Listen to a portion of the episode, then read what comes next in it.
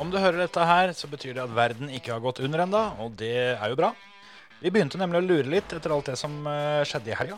Både Andreas Mikkelsen og Ole Kristian Veiby måtte stå over eh, Portugal med covid-smitte. Gus Greensmith eh, snusa på etappeseier. Maspin kom ikke sist. Fettel endte foran Hamilton, og Ferrari tok pole position, for å nevne noe. Men er alt sammen Bottas sin skyld? Om du spør Toto Wolff, så er kanskje svaret ja her også.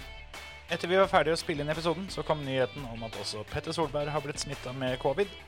Noe som igjen betyr at Oliver må stå over Sardinia pga. karantene. Vi kan i det minste fylle karantenetida med denne helt ferske episoden av Føremøtet. Three, two, one, go. Right, left bus opens, 20, left six right bus to rest.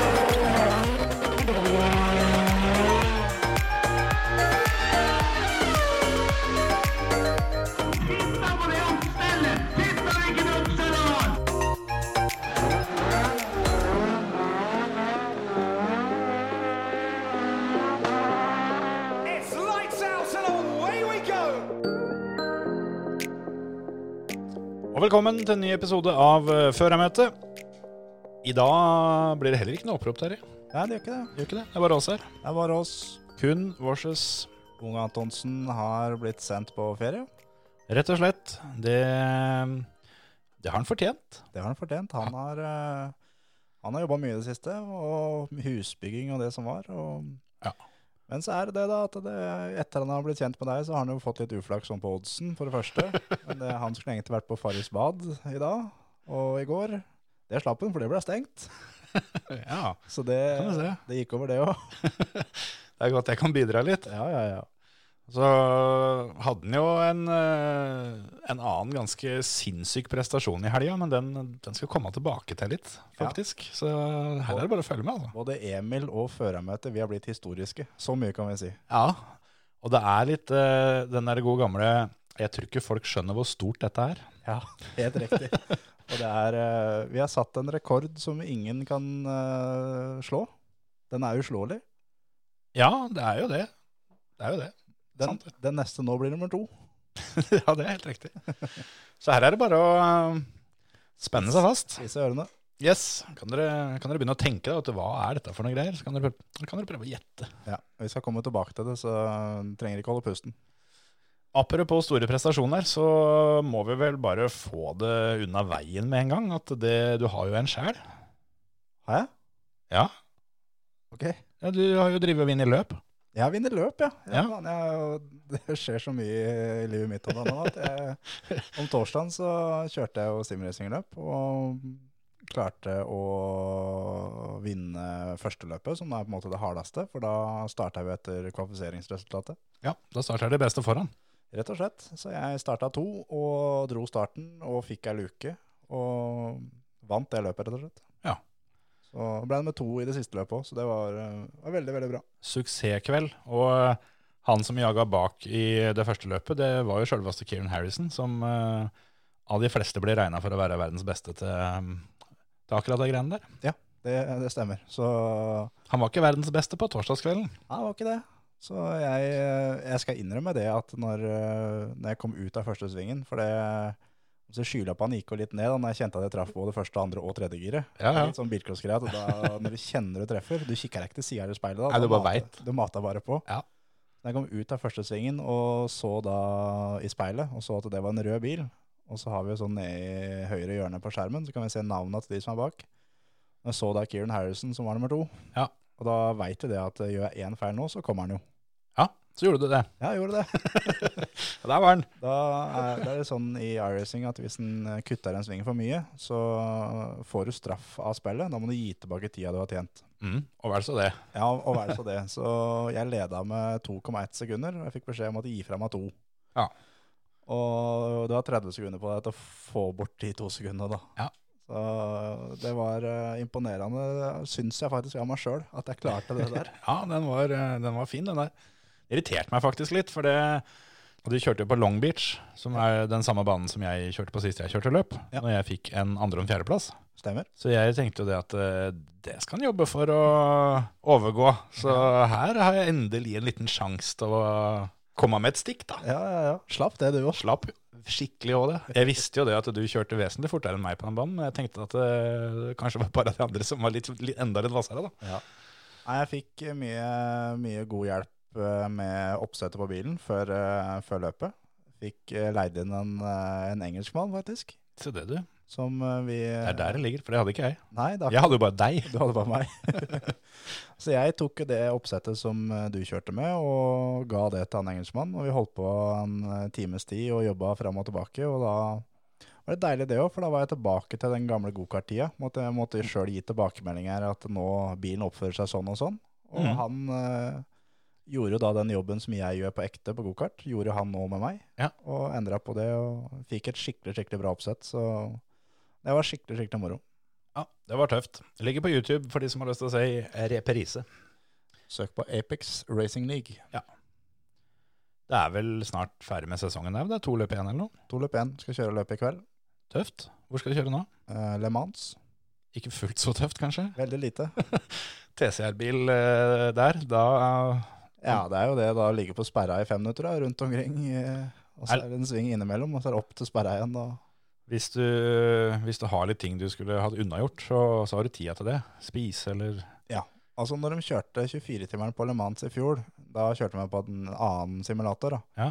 Så er jo da det klippet på nettet for dere som har sett det, av Charles Leclerc som eh, Ja, ja. slipper rattet og spiser yoghurt.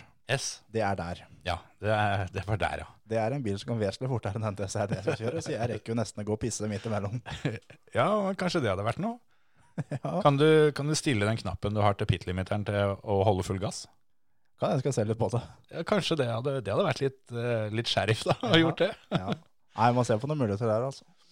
Det blir ikke trena fryktelig mye, i hvert fall. Nei, men eh, det er som eh, vi sa i ungdommen, husker jeg, at det, alle kan kjøre fort rett fram. Absolutt. Det bør ikke trene så mye på akkurat det. Så er det sånn som Petter Solberg sier, at alle kan kjøre fort på asfalt. Ja, det er, går det helt er, fint, det. det er grusen som, som teller, så jeg får håpe du slipper akkurat det da. Men, eh, men ja, han har definitivt et poeng. Ja. Alle lo han for at han kom med så mjuk bil. Yes. Alle kan kjøre fort på asfalt. Fort på asfalt, det var det mange som gjorde i eh, Monte Carlo i helga. Ja, dæven. Bernt ble til og med stoppa av snuten. Bernt fikk kjeft, han, for han kjørte for fort. Bernt var ute og trena med, med sikkerhetsbilen, og fikk beskjed om eh, Da kom det en sånn der sykkelpoliti, eller vi må vel kanskje kalle det motorsykkelpoliti, da, så ikke det høres altfor teit ut. Yes. Og eh, ga han rett og slett ei, ei lita lekse, for de greiene her skulle de ikke ha. noe. Nei, men det er klart at han skulle på en måte teste oppsett og fart og spor og sånn, mens det var folk i gatene som skulle fotgjengerfelt og Ja, ja. alt mulig, og motgående trafikk og alt sammen. Da skulle Bernt ut og teste Aston Martin sin. Ja. Men, men apropos Bernt, det må vi si, for her blir det sånn glidende overgang da, til Monte Carlo. ja, Og vi er ferdig med det nå, ja, på en vi måte. er ferdig med glidende. Ja, ja. Det glir ikke så godt nå. Det lugger litt. Ja, litt lugg. Men eh, det her er første gangen, altså de ti siste gangene vi har vært i Monte Carlo, Ja. ni av dem har han vært ute og kjørt. Ja. Så det, det var jo bankers at han skulle ut nå. Ja, ja. Han, sla, han, var- han var ikke ute en gang. Nei, så det var egentlig godt han fikk seg noen, eh, noen treningsrunder. Ja. Kanskje det var derfor ikke han var ute, og alle før han fikk beskjed om å ta det litt rolig nå, for nå har Bernt mista lappen. Kanskje det er rett og slett det. Dere, vi, vi har ikke noe safety car. for, det, for det Bernt, han, eh, han sitter inne. Han hadde ikke skilt på Aston Martin sin, så, så han tok dem. Ja, Kan hende det er. kan hende det. Jeg vet ikke, han, han fikk vel kjørt noen runder når det var Formel 2-løp. Ja, gjorde kanskje det. Ja, så det... Der var det, nå husker jeg ikke navnet på den, da, det er jo litt uproft, men der var det jo eh, fransk vinner. Ja. Første gangen en fransk mann har vunnet i Formel 2 der, siden Hubert. Ja, han, han som, i 2019. eh, Ja, Han som ikke er blant oss mer. stemmer. Og det var jo også litt eh, kontroverser på en måte i Formel 2. For det Liam Lawson, som kjørte sammen med Dennis Hauger i fjor, Ja. vant jo egentlig løp nummer én. Og ble diska, for han hadde feil engine mapping i starten.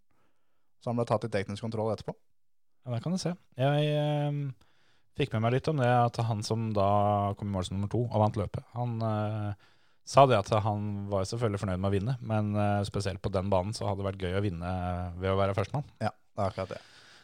Men eh, tenker han driter litt i det når poengene skal regnes opp eh, når året er omme? Ingen som husker det om, eh, om fem år. Nei. Da er det pokalen på hylla som gjelder. Det er litt heftig det, altså. Drive og, drive og vinne løp eh, så tidlig i eh, den første Formel 2-sesongen. Ja. Han var, eh, han var bra i Formel 3 i fjor òg, men eh, jeg trodde ikke han var så god. Jeg hadde faktisk trodd at han eh, Theo Porcher skulle være, være årets rookie med god margin. Han har vært veldig god, han òg, så Mm. Nei, Jeg tror eh, om eh, innen tre år så ser vi Liam Lawson i Formel 1 hos, eh, hos Red Bull. Og det kan komme allerede neste år. ja, Alfa Tauri antageligvis. For det, er, eh, det blir nok et ledig sete i Alfa Tauri neste år pga. at Gasly går vekk. Mm, det tror jeg òg. Og da er eh, Liam Lawson er eh, den føreren som eh, de har satt sammen med Albon i DTM. Mm. Så de har betalt for at han skal kjøre Formel 2 og DTM. Han kjører bil så godt som hver helg. Det er vel litt for å få um, for å få superlisensen, regner jeg med. Han skal, han skal sope inn litt poeng. Så de gjør på en måte han litt klar til at han kan steppe opp neste år, hvis det har behov for det. Ja, Om han er god nok i år, så skal det i hvert fall ikke butte der. Så um, jeg tror nok det at uh, Låsen, hvis ikke han kommer neste år, så kommer han året etter. Mm, Ja, det er absolutt mulig, altså. Jeg ser, eh, ser for øvrig Albon. Han er også god eh, Han er god på smiskeren om dagen. Han er rundt og henger på hjørnene i Formel 1-depot, altså. Ja, og det Instagram-post der og Twitter-post der, alt sammen. Det, det er så mye skryt. Ja, ja, ja. Alt er så bra og Ja. fint. Jeg tror nok dessverre ikke han kommer inn i hovedteamet igjen, men han også er en kandidat for Alfa Tauri neste år, for all del. Ja da, han er det. Han er det. Og det, um, for alt du vet, så kan det hende at Sonoda ryker òg. At han får det ene året her. Ja, han begynte jo helt, eh, helt fantastisk, og jeg i hvert fall var litt sånn at jeg, jeg trodde den, eh, den pila der bare skulle fortsette å peke oppover. Han Ja. har jo definitivt ikke gjort det. Så hvis, eh, hvis han får en sånn sesong hvor det bare lugger, så, så er det nok det vi får, altså. Ja, så har han begynt litt tidlig også med å klage på teamet og bilen, Ja. og jeg har ikke lik bil som teamkompisen min, og Nei. når du tar den i løp tre, da kan det hende at det luker litt utover også da, altså. Ja, det er litt verre når han drar den, enn eh, når Daniel Ricardo gjør det, som, eh, som han gjorde nå. Ja. Eh, han har litt mer pondus og tyngde til å kunne komme med sånne ting. Han har det. Og han sa jo Han pakka det jo pent inn, da. Som han sa det at det er ikke det at, eh, at jeg tror det er noe gærent, men eh, jeg tror det er noe gærent. For han nekta å innse det at uh, sjøl om Lando er kjapp, så er han ikke et sekund kjappere. Ikke på disse gatene, som han sa. Og det sto jo til og med på hjelmen hans 'These are my streets'. Det er akkurat det. Og um, Ricardo liksom kommer inn, og han sa det selv, kjører en runde som han føler er bra, og han vet litt om bra runder da, i, i de gatene der sånn. Ja. Og kommer inn og får beskjed at det, ja, runda var fin den, men du er et sekund bak Lando i lik bil. Og det er så mye, det. Men så er det litt det som vi snakka om før løpet der òg, at eh, det gjelder så på den banen der å ha bilen, å være ett med bilen. da. Ja, ja, ja. Det er ikke han enda. Nei, han er jo ikke det, da. Men altså, jeg tenkte litt på det der, der sånn, ja, fordi når du, når du ser på de andre som er nye i bilene sine, da, så plutselig så var jo dette her den helga det plutselig skulle løsne, da. For både Sainz og Fettel og litt av hvert. Ja, ja, ja. Så, så han har jo på en måte ikke den unnskyldninga heller. Men altså, igjen da, det er jo som, eh, som jeg har snakka om før, at sjøltilliten er ikke den der, så kan du, kan du drite i det. Og i Ja. hvert fall på den banen. ja, ja. På den banen der sånn, har ikke sjøltillit, så er det faktisk bare å glemme det. Og Det, jeg syns jo det var litt artig, da, at eh, Honey Badger blir slått av Honey Rider.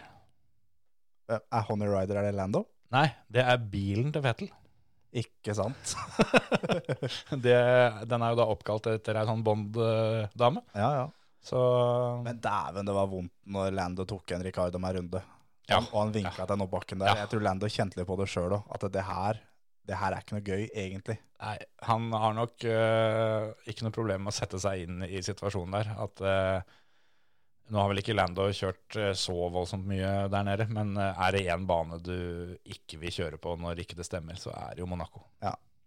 Nei, det der eh, det lugger eh, for hver sving, og du, du kjenner jo sjøl at du mister bilen foran og bilene bak. Du ser jo hvem du fighter med og alt sammen, og du blir mer og mer demotivert. Og så veit du det sjøl òg, at du har, kj- Ricardo har kjørt så mye bil at han veit hvis jeg begynner å pushe mer nå enn det jeg er komfortabel med, så setter jeg den i veggen. Det vil jeg ikke.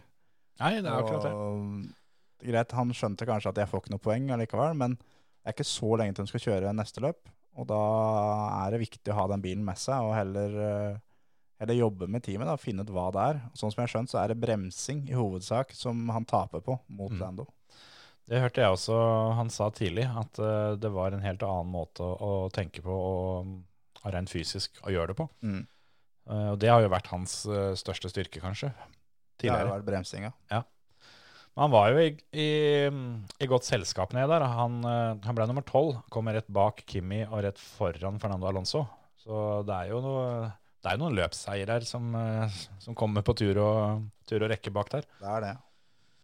Vi kan jo ta det da for dere som ikke eh, har fått med dere løpet. Og jeg regner med at alle som hører på oss har gjort det, men jeg vet at det er noen som ikke har gjort det. At eh, Max Verstappen eh, vant løpet Mm. foran eh, Carlos Sainz. eh, første pallplassen sin i Monaco og første pallplassen sin i Ferrari. Ja. Og Landon Norris er nummer tre. Første pallplassen hans også i Monaco i Formel 1. Mm. Perez ble nummer fire, Sebastian Vettel ble nummer fem, Pierre Gasly ble nummer seks, Lewis Hamilton ble nummer sju, Lance Stroll åtte, Esteban Ocon ble nummer ni, og Giovinazzi er nummer ti. Og den, eh, den som mangler der, eh, på en måte, er jo Charles Leclerc. Ja, og Eh, Bottas. Ja, det er, ja absolutt. For så vidt det. Eh, det begynte jo med at Charles Leclerc, som vi har prata om tidligere, eh, aldri fullført løp på hjemmebane. Niks. Han eh, holder den eh, staten der eh, akkurat like blank og fin. Yes. Han, nå eh, var, eh, gjorde han det jo Tenkte jeg sånn, dæven, nå, nå vinner han fra meg, for han vant jo kvalifiseringa. Ja. Eh, og satt eh, beste rundetid, men dælja han i veggen etterpå, så det var jo både Bottas, Verstappen og Sainz mente jo at dem kom til å stå på pole, for de hadde så bra runder. ja, Og alle, alle tre hadde bra runder, så de hadde sannsynligvis slått tida til Leclerc. var Bottas ute på en haug? Ja, Bottas var eh, to tynnere opp. Ja, dæven. Ja, for det Sånn som jeg, eh, jeg fikk det med meg Jeg fikk ikke med meg Bottas, men jeg eh, syns det så ut som at det var på vei mot at Verstappen skulle ta pole, og Sainz skulle ta andre. Ja. Og så skulle Leclerc starte, starte tre. Men eh, å tro at det der eh, er med vilje Vi snakka jo om det forrige uke òg, den gangen Schumacher gjorde det. Ja. Men Det eh, var noe annet, for han, han stoppa bare på banen, han satt den ikke i veggen. ja, han lata som at han bomma en sving, og så, og så låste hjulet og stoppa rett foran veggen. Ja.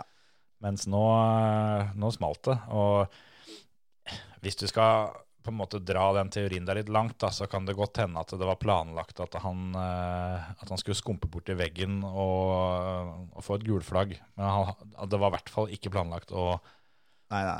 å druse det til så fælt som han gjorde. For det, det endte jo da med at han ikke fikk starte løpet. For nå tok hun jo da, som vi også snakka om i forrige episode, at eh, nå kulla som er i Monaco, er stillbildene når de er nærme utøverne, Mm. inn i en sving. Det er den svingen der sånn, som han kutta litt for mye, og slår av styrestaget sitt på høyre side.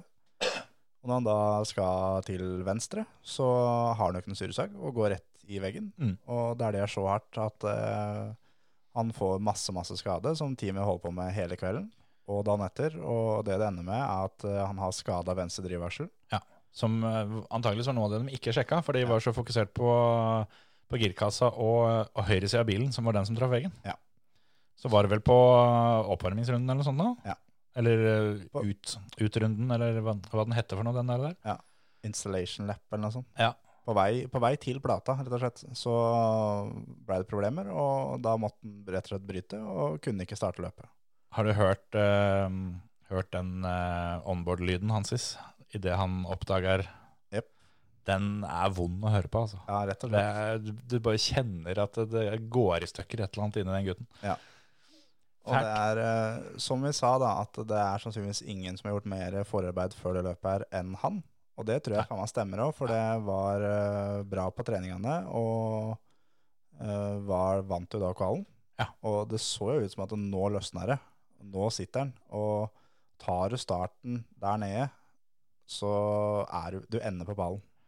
Er Ja, du først det på gjør du. bakken, Ja. så er du, du ender på ballen i det løpet. Ja, det, det eneste du har, eh, du har mot deg, er eh, at du kjører ut. Ja, For det Noe annet enn det, da skal du ha uflaks, altså. Da skal det være at eh, du akkurat har vært i pitten, og så kommer safety car rett etterpå, sånn at de andre får pitta mye kjappere, eller et eller annet sånt der. eh, Sånn som det. Men eh, Og så er det også det at hvis Leclerc hadde da tatt starten og kommet ut, så hadde det vært eh, to Ferrarier mot én Red Bull og Mm. én Mercedes. Da hadde det vært to mot én mot én. Mm. Akkurat det har jo, har jo for så vidt Verstappen treninga med. Ja, jo, ja, ja, absolutt. Men, Men, eh, Sainz var så bra at han hadde, hva skal jeg si, han hadde dekka opp for eh, pit-vinduet til Verstappen, og han dekka for pit-vinduet til Bottas. Det stemmer, det. Og det der kunne blitt et eh, sinnssykt bra løp for Ferrari.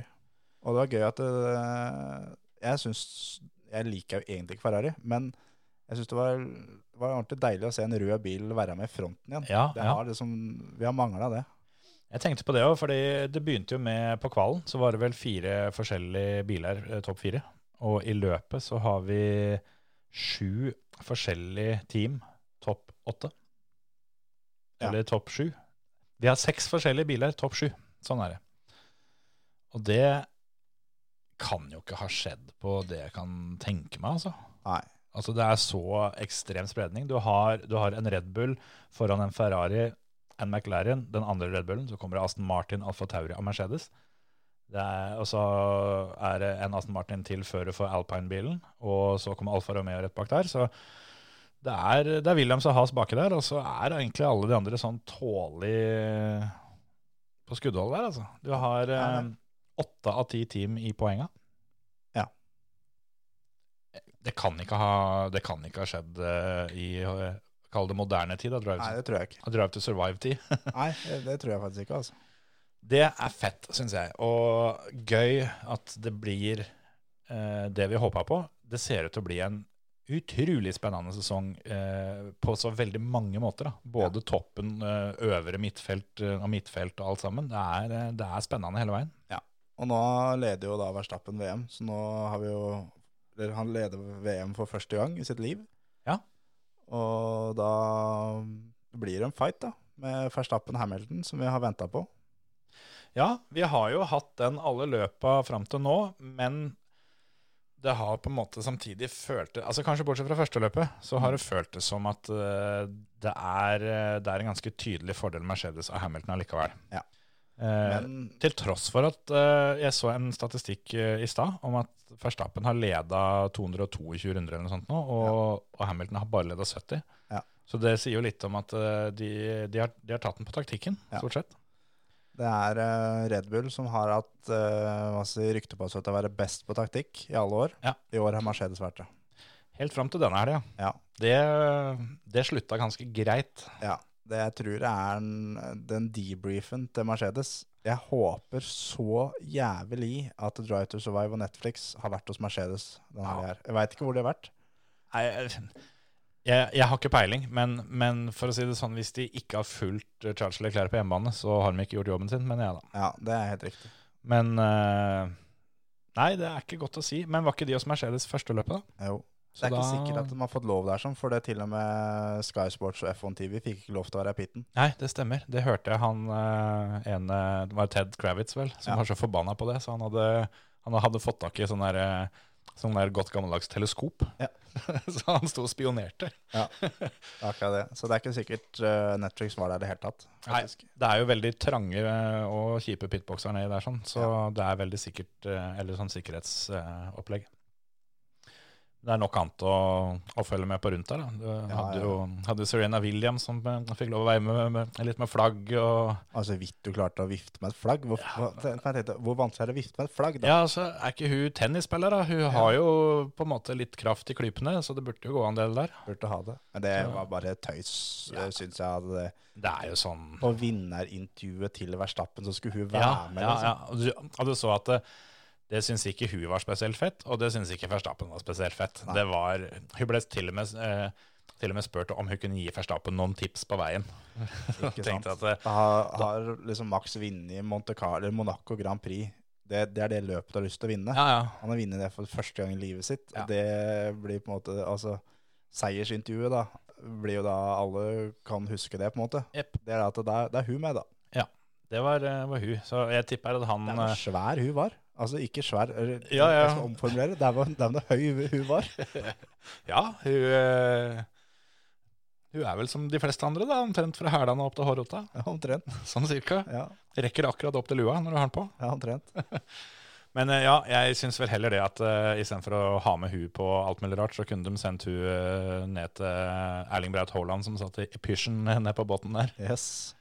Pysj til 13 000 kunne jeg lese i VG, så Ja. de følger med. Ja da. Fint, det. Nei, eh, Mercedes da, som det gikk jo drit med Bottas, som s- var jo da fulgte Verstappen fram til pitstop. Mm. Og det så ut som at det her kan bli en fight mellom de to nå. Mm. Og kommer inn til pitstop, og de får av venstre forhjul, venstre bakhjul, høyre bakhjul. Høyre fremhjul, så spruter det spon fra den mutteren. Og det, det hjulet det lander vi dagen etter, altså 24 timer etter løpet, at det hjulet har vi ikke fått av enda.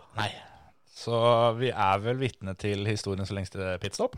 Ja, for det pitstop er ikke ferdig enda. Det er ikke fullført. Nei. Og dæven, og det spruta spon. Ja, ja. Men det er klart, den, den der muttertrekkeren den er litt grøvere enn det du og jeg har Nei, uh, nei, eh, oppe i verkstedet. Får ikke kjøpt den på jula. Nei, det gjør det ikke. Det, det er nok noen som tror det, men, ja, eh, kan hende. men eh, den, den får du ikke kjøpt over disk. Og når den eh, først ikke biter sånn som man skal, så er det for seint allerede. ja. Jeg så det altså, Jeg så det jo på sendinga, Ja. at det spruta spon. Og tenkte jeg det her går ikke. Og når de da, da er de så i bobla og så optimistiske at når de da bytter muttertrekker, Ja. tenker de at det, den muttertrekkeren her, den klarer de i hvert fall. Ja. Da Det går ikke, det. Og det er altså, en så kjip måte å bryte et løp på, det. Mm. Det er At mekanikerne de får ikke av dekket. Mm. Og særlig si, hadde det vært Hamilton da, som lå på sjuendeplass, og det hadde skjedd, altså, jeg tror han syntes det hadde vært helt greit, Ja. egentlig. Det er klart, når du ligger på sjuendeplass, øh, og ja, du får vel sju poeng for det. Ja. Eh, men i hvert fall for Hamiltons del, da, eh, en sjuendeplass øh, er ikke noe. Nei, han driter jo egentlig i det. Men eh, for Bottas sin del, og det eneste jeg kan tenke meg som er kjipere enn eh, den måten han bryter løpet på, er å få skylda for det sjøl etterpå. Ja, Det, det imponerte meg skikkelig når Totto Wolff klarte å få sagt i et intervju der at eh, det var nok eh, i hvert fall delvis Bottas sin skyld, for det, han hadde ikke, han hadde ikke stoppa helt riktig i pitboksen sin. men da tenker jeg at eh, de tre andre mekanikerne fikk det til, Ja, ikke sant. og jeg tror jo det er at eh, det er mekanikeren som, han har bomma på mutteren først, og fått satt den litt grann gærent, og Ja. så trøkk det, for det der trøkket til noe så jævlig. Ja, eller om han har eh, rett og slett eh, begynt å, å gi klem på han før han har kommet eh, inn på mutteren, eller et eller annet. Ja. Det kan jo selvfølgelig ha vært en, en dårlig mutter òg, men eh, det er i hvert fall ikke Bottas sin feil. da. Nei, nei, nei. Stakkars jævel, han kan jo ikke få den servert i tillegg. og det... Og særlig ikke når han leverer et så bra løp som det var fram til da. Ja, Og det var eh, han, han fikk jo Han slapp seg litt grann tilbake bak Max, og så fikk han beskjed om at nå vis oss hvor mye fart du faktisk har. mm. Og bare henta inn to sekunder, bare smack med en gang, og var, eh, var vel 1,3 bak. Han var faktisk innafor i DRS-sona, han. Ja. Det var stappen når han gikk inn. Ja. Under et sekund bak. Og Den der DRS-sona er jo så kort at du rekker jo ikke si DRS engang. Nei, nei, nei. Det er tull, mest tullete DRS-sona som fins i hele, hele året. Det er jo en ting. Den er det bare for den må være der. Men det, jeg begynner å synes synd på Bottas. Altså. Det, nå, det stanger så imot for han hele veien. Og, men han viser jo at eh, han er der. Ja, og det For det når, når Hamilton sleit så fælt som han gjorde hele helga, på både trening og kvall og alt sammen, så Det er jo litt verre for Hamilton, da. At, eh, at bilen går fort nok. Ja. Det er for én gangs skyld. Og det er, det er jaggu ufattelig sjelden at eh, det er mulig å si det, men denne gangen så var det Hamilton som ikke var god nok. Ja, det var det. Og det, det gjør jo det at det blir enda surere for Bottas, da, tenker jeg. Han, eh, han For nå kunne han på en måte bevist litt sånn for verden at Ja. eh, jeg, jeg er faktisk god nok. Ja, jeg er flink til dette her, jeg. Ja. Jeg, det er ikke bare Louis som er eh, latterlig god. Jeg, er, jeg får det til, jeg òg. Men Mercedes har jo slitt fryktelig med å få varme i dekka sine når det er kaldt. Mm. Og det var kaldt der nede nå. Og særlig på en sånn bane som der, da, med bare lavfartssvinger, så sliter de i hvert fall med å få opp hjula sine. Mm. Så det var det Hamilton sleit med hele veien. Og um, det var også litt derfor at både Bottas og Hamilton måtte gå inn så tidlig. For de Mm. fikk ikke opp eh, temperaturen midt i dekka, altså kjernetemperaturen da, på dekka sine. Mm. Og da slites topplaget veldig, veldig fort. Så um, Nei, det var en, eh, en helg som jeg tror Mercedes-gjengen eh, kommer til å tenke lenge på. Og de kommer til å jobbe noe jævlig fram til Baku, som er neste, som også er bybane. Ikke sant? Men der er det heller en høyfartsbybane, da. Ja, den, eh, du, får, eh, du får strekt litt mer på beina på den banen der. Ja. For Hamilton han, eh, han kvala jo inn sju, eh, endte jo da med å starte seks, i og med at Charles Leclerc ikke stilte til start. Ja. Eh, Han, og, ja, han starta fra sjuende posisjon, men var seks år linja. ja, ja, stemmer. Så, så han eh, Det er jo der du blir, da, gjerne. Ja. Eh, men eh, så skulle jo den prøve seg på en undercut. Altså det, det betyr jo da å gå i pitten først. Jep. For å på ferske dekk kjøre fortere enn eh, enn- enn bilen foran. Mm. Sånn at når han da kjører i pitten etterpå, så kommer du ut foran. Gikk ikke helt sånn. Eh, De, de tapte plasseringa til både Fettel og Gasly og Perez. Perez. Ja. Så det var tre biler som, eh, som overcutta Mercedes, da. Ja. Som da blir det motsatte, det med å utsette pitstoppet. Og da var Hamilton jævlig imponert, som han sa det. Nå, hva faen skjer nå, gutter? Nå har jeg spart dekk for at vi skal kjøre lenger enn de andre. Ja. Jeg ble tatt inn først, og vi taper på det. Ja. Og det er jo helt motsatt strategi av det de vant på der i 2019. Ja. Da vant de på å kjøre lengst. Så jeg skal ikke si at jeg visste det, men ut ifra alle analyser og forhåndsomtaler jeg så, så var det ikke noe hemmelighet at overcutten er effektiv på den banen. Ja, ja, ja. Og som du sa, dem veit det godt sjøl, for det var det den vant på sist. Det er akkurat det. Så jeg skjønte litt det at når Hamilton gikk inn nå al- Når det gjelder Hamilton, altså, han er en sånn fører. Han kan klemme ut en runde her og der som er så bra. Så det kunne hende at akkurat han hadde tjent på det. Ja, Men si at Gasly hadde gått inn først, så kunne det garantert at Gasly taper noen tre, fire, fem plasseringer på Ja, ja. å gå inn først. Ja. Så, så var det at da Gasly svarte med en gang på Hamilton, Mm. og så kommer Vettel da, som bare turer rundt baki der og liksom har satt den der Aston Martin i drive og bare koser seg med den i kermen. Honey Rider. Ja, ja, og tar begge to. Ja, så vidt det var. Ja. Det fikk vi jo ikke se, da. For det er eh, Nei, for da Lance Stroll traff jo en humpel, tross alt. Det var mye viktigere for å sette. den eneste gangen det var spenning på banen. Den, den ene fighten som var, Ja. det var, eh, det var eh, altså da den. Men vei, en, en, sånn, en liten quiz. Eh, Det var én forbikjøring i helga. Hvem tok den? Da tenker du ikke på Fettel, ikke sant? Nei, for det, han var jo på en måte først ut av pitten og Ja. endte opp først på toppen òg. Nei, da, da veit jeg svaret. Ja. Skal jeg komme med det? Ja. Det var Mick Schumacher som kjørte forbi Nikita Maspin på innsida i eh, Grand Hotel-svingen. Yes. Det, det er en litt sånn dristig forbikjøring når du har satt den i veggen først på tredje treninga, får ikke lov å kjøre kvalen, Ja. og bare da tar teamkompisen din på Mm. inneren der sånn. Ja, det, det er vel den skarpeste svingen på Formel 1-circuiten, kanskje? Ja. Den er jo mm, altså, den er jo nesten helt trillende rund. George Russell er så lang i beina at han må slippe venstrehanda. for Han får den Ja. ikke ned i. Så Stemmer. han styrer kun med høyrehanda gjennom der. Det, um, det, er, eh, det er litt av hvert. Og apropos Masipi nå, han, eh, han var jo eh, ute og kjefta litt på teamet sitt eh, underveis der, for han eh, fikk beskjed om å, å bytte motormodus. Ja. Ikke aktuelt. Det er for mye, rett og slett for mye trøkking av ring på rattet, og det har ikke jeg tid til, for jeg er tross alt i Monte Carlo og kjører Formel 1-bil. Han spurte tilbake tre ganger at her, hva er det du sier for noe? Bare nei, det er engine mode 87. Og så hæ, hvilket nummer da? 87. Nei, det går ikke. Skjønner dere ikke at jeg kjører i Monte Carlo, gutter? Det blir ikke noe av. Så det, den eh, motoren den sto i den ene modusen fra start til slutt, den. Men vi kan også nevne det at eh, han slo for første gang teamkompisen sin i helga. Han eh, slo Mink Schumacher Flere ganger òg. Ja. Flere treninger og kvalen og ja. og løpe. Så um, det, det skal han få. Det er godkjent, faktisk. Ja, ja, ja, absolutt. Og det, han, eh, han får rett og slett tåle den kjefta han får, men eh, folk får jo holde seg sånn tålete sak, i hvert fall. Det, det er sant. Før vi eh, tar og pakker snippesken helt fra Monte Carlo, så eh, er det vel kanskje på tide å avsløre det vi tisa litt med når det gjelder unge Antonsen. Det, det er det. For eh, Emil eh, kjørte jo Monaco Grand Prix i helga. Det har jo Ikke på simulator. Han var med en Formel 1-bil fra start til slutt. hele løpet, fullførte, kom til mål. Kom til Q2, Gjorde det, gjorde det. faktisk. Eh, Og Det har jo vært en del eh, fokus på det, det der her med første nordmann i Formel 1. Ja, den diskusjonen er over nå. for Nå er det ferdig. nå- Em Emil Antonsen tok det, han. Emil Antonsen han er første nordmann med navnet sitt på en Formel 1-bil. Ja, det- Antageligvis, i hvert fall. Ja, Det vil jeg tro. ja.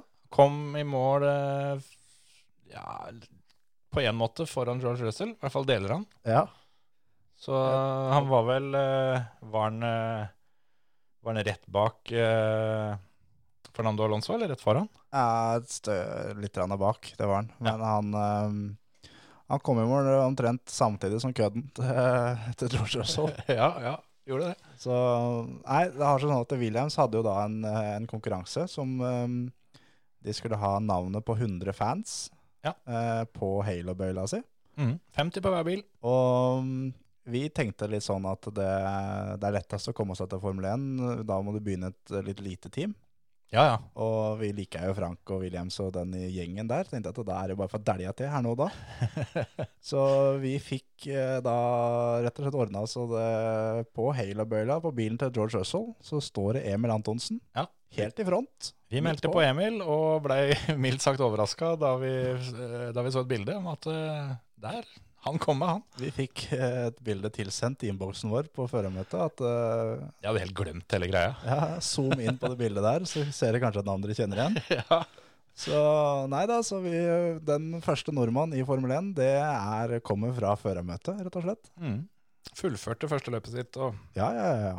like fin når han kom i mål. Ja, ja, ja. Det er, eh, men så var det blant de 100, menneske- 100 fansa som var på, så var han for meg en av de beste da, for han sto lengst fram. Ja, det er også, også sant. Han, eh, han slo de fleste av de andre, andre hundre. Ble antageligvis på pallen, tenker jeg. Ja, ja, ja. Nei, altså, det, nei, det er synd han ikke er her i dag, men eh, vi, skal, Ja, ja. vi skal- vi får ta og overrekke gratulasjonene neste uke. Det er jo klart at når du kommer i mål i det første Formel 1-løp, så får du litt grann mediejag etterpå, da. Så det er jo Jeg skjønner jo sånn sett at han ikke tør å stille opp i dag, for det, det ville blitt litt mye for han. ja, det er mye paparazzi eller sånn på utsida her, og Ja, ja. Og han er vel, han er vel så vidt eh, vi veit også den nordmannen som er nest nærmest å kunne kjøre en Formel 1-bil på ordentlig, ordentlig. Ja. For det, det er bare Dennis Hauger som har flere superlisenspoeng eh, fra Norge enn Emil, så vidt vi vet. Ja. Kan hende Pål Warhaug har en del, det veit vi ikke. Jeg har ikke helt funnet oversikten over han, men eh, Det har- Em- Emil har i hvert fall eh, Han har superlisenspoeng. Han har poeng, og de blir ikke borte. Nei. Så, så sånn er det. Så han, eh, han har jo på en måte smakt litt grann på det sånn sett. Ja. Men eh, nå, nå er det fullført. Ja. Så hvis da Dennis Hauger kommer til Formel 1, så blir han eh, den andre nordmannen Nummer to. i Formel 1. Så det er litt sånn kjipt for hans del, da, for det er jo greit sånn markedsføringsmessig å si at du er den første, men det, det, det, liksom, det svinger ikke like godt med å bli nummer to. Gjør ikke det. Du hører på Førermøtet, Norges beste motorsportpodkast. Skal vi prate litt eh, om eh, World Air Rally Championship i Portugal? Det kan være. For det har også foregått i helga. Det var ganske travel helg for min del. Ja, du fikk jo sett det meste. Ja, jeg eh, fikk eh, sendt eh, av gårde unga, så jeg hadde tid til dette her. For det hadde vært plundrete det hvis begge dem skulle drive og flydd rundt beina på meg, så jeg måtte ha fri. Ja. Så sendte unga til, til svigers og sendte kjerringa til vaksinering, for jeg veit at hun reagerer på det der sånn litt, grann, så da ble hun sengeliggende den sti. Ikke sant? Så da, da fikk jeg liksom fred foran eh, TV-en. så, så jeg har sett, eh, sett på mye og kosa meg skikkelig i helga, faktisk. Ja. Nei, det var, det var morsomt løp ned der, og det gikk eh, litt sånn som det vi Det så lenge ut, da, til at Mm. nå dæven, nå traff vi skikkelig. For vi nevnte det at Otanak eh, kommer til å være helt helt i front. Han kommer til å lede ganske overlegent. Mm. Han var den store favoritten. Og vi eh, sa også at Dani Sordo kommer til å være med skikkelig på dag én, Mm. og det var han. Absolutt. Så um, det var Tanak leda jo løpet med drøye 20 sekunder eh, når han måtte bryte på dag to. Og det er som Når skjedde det sist? At Tanak måtte bryte i mm, soleklar ledelse. Det tror jeg er lenge siden, altså. Ja. Og i hvert fall, altså, i tillegg så Han kjørte jo ikke av veien engang. Nei, nei. Det var bare rett og slett eh, et eller annet som røyk i mm, juleopphenget. Ja. Høyre bak. Ja. Samme feilen som uh, Thierry Neville hadde på, på samme type bil. Ja. Eneste forskjellen var at Thierry Neville han dro skikkelig av. Ja. Han hadde um, ei feilnote, så han kom inn i en sving eh, et gir for høyt. Ja. Da går det ikke så bra. Da, Der- der de er eh, av veien. Da, skjønner du. Yes. Så da, var det, da, da lå veien åpen da, for eh, Ilfen Evans, for han klarte å få tatt eh, Sordo når eh, de fikk eh, altså litt mer lik startposisjon, så var eh, Evans eh, raskere enn det Sordo var. Ja, det var, eh, det var så merkelig hele greia, syns jeg. For det, du så jo bare, bare noe så teit som den, eh, den derre superspesial er det- Ja, er det det heter? Superspesial? De Mm. derre korte publikumsprøvene. Mm. Den som var på slutten av lørdagen. eh, som de kjørte tre runder eh, på noe sånn brusteinsgreier inne i byen. Vet ikke hvor lang han var? Tre kilometer eller noe sånt? Ja. Der fleska Sørlo til og slo Evans med fem sekunder. Ja, ja. På det tidspunktet så leda Evans med 15, så han tok inn en tredel på den lille tulleprøva der. Ja. Altså gjorde jo for så vidt Evans det samme Jeg lurer på om det var første søndag. Så Ja. man tok en sånn der eh, god gammeldags Colin McRae-prøve. Så man bare satte skapet her, og så Bare her. slapp ballene helt ned på knærne, altså lot det stå til. Ja. Så Evans eh, begynner å bli eh, ordentlig bra. Altså, han er eh, en fører en alltid må regne med nå. Fryktelig stabil.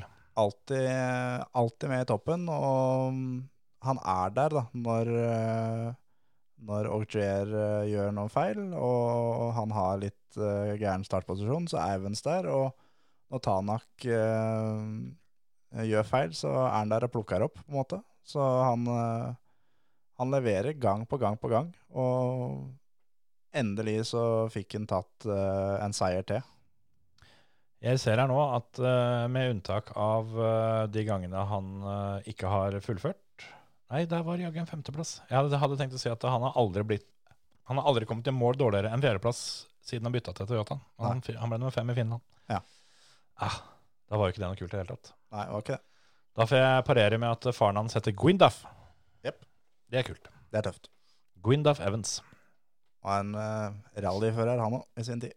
Ja visst. Han er så, er så rallyfører at han står fortsatt over sønnen sin på E, EM EVRC sine. Ikke sant. Nei, altså, det var jo da Evans eh, som eh, tok dette her da, foran eh, Sordo. 28,3 sekunder ned til Sordo. Og så ble det 1 minutt og 23 sekunder ned til Augier på tredjeplass. Og Katsuta dælja til med en, eh, en solid fjerdeplass. Ja. Foran eh, Gus Greensmith og Adrian Formoe på sjette. Og så er det da beste R5-bil ble STP Kalapi foran Timo Sundinen og Mats Østberg på en niendeplass totalt. Gryasin ble ti, og Oliver Solberg ble elleve. Og du var jo så vidt inne på det der, at eh, ja, den store elefanten i rommet, femteplassen, Jepp. bussen, Yes. Gus Greensmith, der, eh, der, eh, der gikk vi uti eh, et lite bed med salat. Ja, eh, Eller hovedsakelig Emil. Emil, han gjorde det. Og han har jo, som nevnt litt tidligere, han har jo da arva din, eh, din uflaks og dårlige vibe på, på folk. Så jeg tror Gus han følte nå at nå var det noen kilo som datt av skuldrene hans, nå som han ble borte fra fantasy-laget til Emil. Da var det på tide å få levert litt, eh, litt tier her.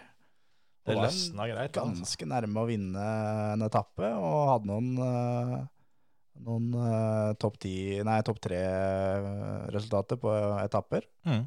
Så han eh, leverte faktisk et ganske helt greit løp. Det var ikke noe sånn heidundrende greier, men eh, Det var noen høye topper. Ja. Han var vel eh, fem tideler bak eh, etappeseieren eh, på ene prøva der. Sånn. Jeg lurer på om kan det ha vært åpningsprøva? Var det så sjukt? vi kan i hvert fall si at det er, eh, det er eh, Det var hans, hans beste eh, VR-løp, kan vi faktisk si at det er. Åpningsetappa så kom han i mål 0,5 sekunder bak Otanak. Og SS4 så er han 1,4 bak Kalle. Det er eh, litt av et skremmeskudd, og og jeg trodde ikke helt det jeg så når, eh, når jeg så det der sånn, at Gus Greensmith eh, skal han være med og fighte, tenkte jeg. Men det der, der eh, altså det endte jo som du sier med femte- og sjetteplass til um, Gus og eh, Formå. Men jeg tenkte på det flere ganger gjennom helga, at denne Forden har de fått orden på. Ja, nå hjelper det. Nå hjelper det seg fælt. Og eh, altså for all del, Gus Greensmith og Adrian Formå, de, eh, de, de er ikke de dårligste. Men det Kanskje er ganske langt fra de beste òg. ganske langt fra det beste òg, og derfor eh, så tenkte jeg flere ganger det at eh, hadde de hatt eh, litt habile sjåfører i denne bilen, så hadde den Jeg tror faktisk den hadde vært med helt der oppe, jeg, altså. Ja, ja, absolutt. Det er eh, satt eh, og skier tilbake en Ford nå. Ja. Eh, eller Tanak eller den gjengen der, da. Altså én av de der eh, topp fem-seks førerne, Ja. så mm, Eller da Mikkelsen, som da Ja. er snakk om at eh, skal kanskje inn der neste år. Mm. Han, det er ikke dummeste stedet å være det nå, altså. det er ikke det. Nå er det jo annen bil neste år, da. Jo da. Men eh, jeg har tenkt litt på det. Nå, for nå får vi jo kanskje litt svaret på det eh, allerede om 14 dager, for da skal han kjøre Sardinia, og da skal Timo Sunden tilbake i VRC. Ja. Men han er heller ikke liksom, av de ypperste gutta, Nei, nei, men nei. han er bedre enn de to andre, og det blir gøy å se hva han får til med den bilen. For det, ja, som sagt, Forden ser frisk ut nå, altså. Men det er veldig tydelig da at eh, Ford har et mye, mye, mye mye mindre budsjett enn det Hyundai og Toyota har. Ja. Nå nærmer den seg jo til slutten av den bilen her, sånn, og da begynner Ford å komme. Mm. Men eh, så er det at når det er starten av ny homologering, som det er neste år, så Mm. er de alltid der. Ja. Og så eh, finner de andre litt, og så dabber de litt av, og så kommer de etter hvert mot slutten. Ja, det tar litt lengre tid bare for dem. Det er, eh, de har mindre testtimer, og det er klart at når man har Matthew Wilson, sønnen til Malcolm, som testfører, så går det litt smått av. da. Er det noen år siden han eh, kjørte mm, VRC aktivt? Ja. Han Det- holdt vel på eh, Sammen med Henning og greier. han. Ja, hva, kan det stemme at han var teamkompis med Petter i, i fordel på slutten? Nei, det var Latvala. Latvala, ok. Ja. ja, nei, men eh, uansett, det De har ikke de beste forutsetningene for å få den eh, bilen til å gå fort, men de har fått det til nå, så um, det blir, eh, det blir gøy å se. Denne sesongen her kan definitivt trenge det, at den, eh, den eh, bilen melder seg på litt. Ja, absolutt. Det var jo veldig Hyundai som dominerte her. Ja. Eh, sånn, I hvert fall tempomessig så var det jo Tanak, Sordo og Thierry Neuville som var 1, 2 og 3 på det aller meste. Ja. Men så datt det jo av, da. I tur og orden. Og det Adamo sa det vel òg, at det, det, er, eh, det er helt gærent at eh, den kjappeste bilen ikke vinner løpet. Ja, det er akkurat det. Men så er det igjen, jeg blir kjempeimponert hos Ordi, og nesten hver gang han kjører, for det, han, nå er han med og fighter i toppen, men han gjør den jobben han er, han er der for å gjøre. Han skal samle poeng for teamet, Mm. og han samler poeng han, hver gang. Ja, ja, ja. Han er, han, Danny Sordo er den perfekte andrefører. ja. Eller til og med tredjefører, som han faktisk er. Men sånn som er nå, så hadde det vært eh, Tanak og Sordo på pallen. Ja, han hadde nok endt opp som eh, å være tellende nummer to, ja. Ja. Og det tror jeg vel Adamo uh, veit litt òg, at eh, Dani Sordo vil sannsynligvis slå en av, en av de andre gutta. Ja. Jeg tror nok det at eh, hvis du, noen hadde klart å få Adamo til eh, å gi et skikkelig svar på et spørsmål, så eh, hadde nok han og sannsynligvis tippa at det var Tanak og Sordo som var hans to sterkeste kort. Ja, er nok det. Men det, mens vi er inne på Hundai og Hundai-fører, så har vi jo en, eh, en nordmann som er i Hundai-systemet, det er Ole Kristian Veiby. Han er nå utestengt i et halvt år. Ja. På grunn av brudd på koronaregler. Ettersom jeg har fått med meg, så har den da blitt eh, Eller de, de har da tatt den på fem forskjellige brudd. Ja. Jeg har lest den eh, uttalelsen som eh, han har kommet med sjøl, og han, eh, han forklarer seg jo definitivt bra. Ja, han gjør det. Men det virker jo da som at han rett og slett ikke blir trudd på det. Det kan nok hende at det blir en sak ut av det her sånn nå i ettertid, som det kan hende får et annet eh, utfall, men eh, akkurat nå så er i hvert fall det at eh, straffa er et eh, halvt år som han er eh, utestengt Mhm. eh, av FIA, så det betyr jo alt. Det er ikke bare VM. Han får lov til å begynne å kjøre igjen uka etter at sesongen er avslutta. Ja. Så i praksis så er sesongen eh, finito, game over. For han får ikke engang lov å ja, Han får lov å kjøre simracing hjemme, og det er det. Det er jo hele greia at han har eh, vært sammen med en som har testa positivt for eh, korona. Det er jo da Andreas Mikkelsen, regner vi med. Det kan hende det er flere òg. Ja. Det er, Andreas Mikkelsen testa positivt eh, litt tidligere, og de to var jo sammen på, på løp uh, helga før, eller hva det var? Ja. Så var det at han visste det at han har vært sammen med en som har testa positivt, Mm. og har allikevel valgt å dra til løpet. Mm. Og fikk jo da svaret der eh, på at det var positivt. Så, men så er det igjen da at han har testa flere negative tester først, og Mm. så testa positivt. Så eh, jeg skjønner jo hans side av saken, men jeg skjønner også Fia sin side av saken. At det er sånn som det er nå rundt omkring, med å, de sliter med å få arrangert løp og sånn, så må de sette et eksempel når det er noe sånt som skjer.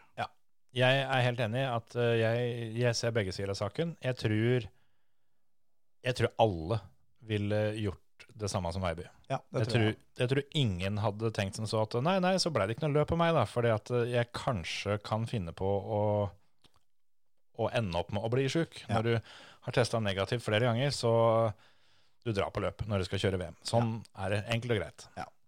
Men så er det en av at eh, hadde alle som da hadde sittet i skoa til arrangørene, hadde jo også gjort det samme eller som Fia, hadde gjort det samme som de, og dælja til med en ordentlig straff. De er nødt til det. og, Ja, de er helt nødt.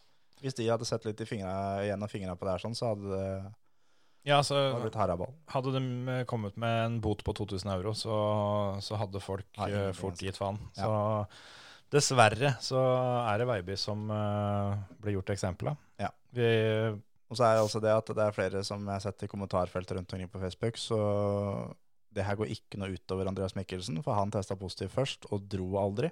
Så han eh, gjør ferdig karantena si og er klar til, til neste løp hvis han tester negativt.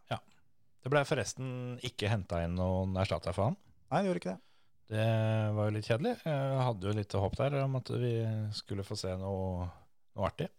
Det kan nok hende for at eh, gjennomkjøringa var vel så godt i gang omtrent Ja. når det svaret kom, så den som eventuelt skulle hoppa inn, hadde ikke fått tid til å, til å skrive noter til, eh, til løpet. Nei, det, det er nok eh, kanskje årsaken, det. Så er det vel litt sånn derre litt reiserestriksjoner og sånn, da. For det, vi håpa jo på at Eivind Brynildsen skulle få jobben. Ja. Og i hvert fall i og med at, eh, at Veronica Engan Nå veit jeg ikke om hun var på jobb der nede nå, men det vil jeg jo tro. Jo. Så, så hun var jo der alt. Men det er klart, hun hadde jo andre oppgaver. Det er ikke sikkert det bare bare er å få på hun kjøledressen og trea i bilen. Nei, akkurat det. Men eh, De hadde nok fått det til, hadde de eh, hadde de fått svaret eller fått beskjeden uka før. Ja, men så er det for Eivinds del òg, da. Han, eh, han har jo en jobb, og det skal litt karantener til. Og han har jo sagt det før òg, at det er ikke bare bare. Så, så det var synd. Men eh, når det gjelder Veiby, da. eh, de løpa han skulle kjørt, hvis det ender med at den utestengelsen blir opprettholdt, har du, har du noen tanker om det? Det her åpna jo flere dører for Oliver Solberg, som også sitter i det, hva skal vi si, eh, Den- posisjon til å kjøre eh, andrebilen ved siden av Lobé. Ja, det skal han gjøre neste gang. Det skal jeg neste- neste gang. Og det er litt eh, på en måte Veiby og Oliver som deler på den bilen nummer to, eller bil nummer fem, Ja. er det jo egentlig. ja. Eh, Så nå åpner det opp kanskje enda flere muligheter for Oliver. Kan hende at de har eh, enda flere juniorer de har lyst til å teste. Eh, For Hadde nå de går ikke jo han- den vekk. Hadde de ikke han eh, Huttunen eh, Ja. i fjor? Ja. Så kan hende han får seg en second chance der. Ja. Det, det er ikke godt å si. Og så er det også at de må inn med en ny en nå i VRC2. Ja, det var, det var det jeg hovedsakelig tenkte på. At eh, der er jo Det er jo en R5, eh, eller en- en Rally 2-bil, som eh, ser ut til å ikke bli brukt. Og Det kan nok hende at det blir Huttunen, at det er han som skal inn og rotte der. Hvis ikke det er noen, noen andre som de bare, bare fyller på med. Men Adamo er så vinnermenneske at han skal ha noe bra i det setet der. Ja, jeg tror også det. Og nå skal jeg innrømme at jeg er ikke helt oppdatert på teammesterskapet i, eh, E i WRC2. Det Jeg veit det var det i fjor, men jeg har ikke fått med meg helt åssen det fungerer i år. Jeg, jeg syns VRC2-greiene er så vanskelig å følge med på, så det, Ja, det er det. Er det. Nå er det heldigvis eh, litt annerledes i år. Da. I fjor var det litt teit, for da var det bare to, tre, fire førere. Ja. Mens i år er det jo en ordentlig eh, konkurransedyktig klasse med skikkelig, skikkelig nivå. Ja, det er det. Så det har jo i det minste hjelpa. Men om Hyundai trenger den bilen fortest mulig til mål, Mm. så finner de nok eh, et eller annet. Men om Kan hende de ikke, så kan tar, hende de bare eh, leier den ut, da. Det er- Kan de tar eh, Craig Breen når han skal ned. Ja, At han- de I løpet han ikke kjører VRC, skal han kjøre den. Eller så kan det hende at de tar eh, Danny Sordo. Han skal Ja, ned. ja, absolutt. absolutt. De har jo eh, de har en liten stall med følgere. Og jeg Det kan hende at det er old news, men for meg så var det såkalt breaking news. For jeg oppdaga det rett før vi gikk på sending, at Oliver Solberg er påmeldt i VRC-bil til det løpet som går om 14 dager. Ja. På Sardinia. Det er fett. Det er kult. Det gleder jeg meg til. Første løpet på grus med Ja. VRC-bil. Starta langt bak. Yes. Perfekt startposisjon. Kunne ikke Til blitt dagen. bedre. Han, har, han starta foran Lubé, for han har flere, han har flere VM-poeng Ikke sant? enn han. Så jeg skal komme med en sånn liten bombe at Oliver Solberg han er topp tre etter dag én i Sardinia. Freskt. Han eh, kan også lede. Hvis han får godfølelsen der nå, på SSC-en der, og skal egentlig da bare kjøre til mål og kjøre midt i veien, som han sier han gjør, Ja, ja. og han sier han kjører likt med Tanak da, på SSC-en, så slipper han ballene nedpå, han på SS2, og så skal gutta få det, rett og slett. Ja, ja. Han har seks eh, VM-poeng, så hvis du tar bort eh, Han har jo da likt som Mikkelsen, som eh, ikke skal kjøre VRC. Samme gjelder Lappi. Sunninen skal kjøre VRC. Formå eh, er tilbake i, eh, i VRC2. Greensmith starter foran. Breen skal ikke st- kjøre. Så er det Sordo Katsuta, Rovan Pere, Tanak, Kuneville, Evans og Ogier. Som er da Hvis du snur alle de, alle de navnene jeg sa, så har du startrekkefølga for neste løp. Så ja, for all del. Jeg, jeg gleder meg i hvert fall fryktelig mye. For eh, det greiene Oliver dreiv med i Finland når han eh, kjørte sitt første løp eh, med VRC-bil, Jep. det var helt tullete. Det er helt tullete. Helt tullete. Og da lå han og kjørte på tempo til Auxier eh, gjennom eh, helga. Og så det er klart at det Og han eh, Hva skal jeg si Han liker jo snø best, men han har jo kjørt mer på grus. Og har jo hatt et helt tullete tempo på grus før, Ja, i, i, i, eh, R5. ja det, det, der òg har det vært enkelte løp som at det, det er rett og slett litt tøysete, det, det han kommer med. Ja, Der har han satt opp tempo som ingen holder følge med. Ja. Så um, det blir veldig spennende å se åssen det blir med en VRC-bil, med aerodynamikk og hele dritten eh, nå, men eh, Du har jo vært inne på det før, at eh, du tror at, eh, at VRC-bilen antageligvis passer hans, eh, hans kjørestil enda bedre. Ja, mye, mye bedre. Så det er eh, Jeg tror nok at det At eh, Adamo kommer til å putte han inn eh, i de løpa hvor han ser at han kan, eh, kan eh, få bra startposisjon og starte langt bak. Som gjør at han eh, gjør, ligger bra an etter dag én, og kan s- også igjen starte langt bak i, i, løp nummer, eller i dag nummer to. Ja. Og så det er, det er altså det at han er, han er vant til å kjøre på sporet av vei fra R5, og nå blir det samme greiene i, i VRC-bil. Så det er den der aerodynamikken på grus som blir ny for han. Men han har kjørt en del tester nå, da. Han har det. Og eh, om Hyundai var, eh, var gode i Portugal, så får vi da Solberg og Sordo, som uh, starta langt baki der. sånn. Så, ja. I tillegg til Neville og Tanak. Og Tanak starta fire. Neville starta tre. Ja. Så det er Ogier og Evans, én og to, som eh, skal brøyte vei. Yes. Så det er mye som tyder på at det kan bli Hundai-fest denne gangen òg, sjøl om det endte jo da med Toyota-seier nå. Det gjorde det. det. Om jeg var sikker på at Tanak skulle vinne nå forrige gang, så er jeg enda mer sikker nå neste. Det holder jeg med deg i. Apropos Sordo, eh, en annen ting som jeg heller ikke, ikke var klar over, var jo det at han eh, hadde med seg spiller ny kartleser denne gangen. Ja. Allikevel så drev han bare og kjørte fra folk. Ja, Han hadde aldri kjørt VRC-bil, han der eh, apekatten som satt rett ved siden av. Nei, han, eh, han har kjørt fryktelig mye, da. Har eh, vært kartleser i veldig mange løp, men sto, stort sett nasjonalt Ja. eh, i R5. Ja.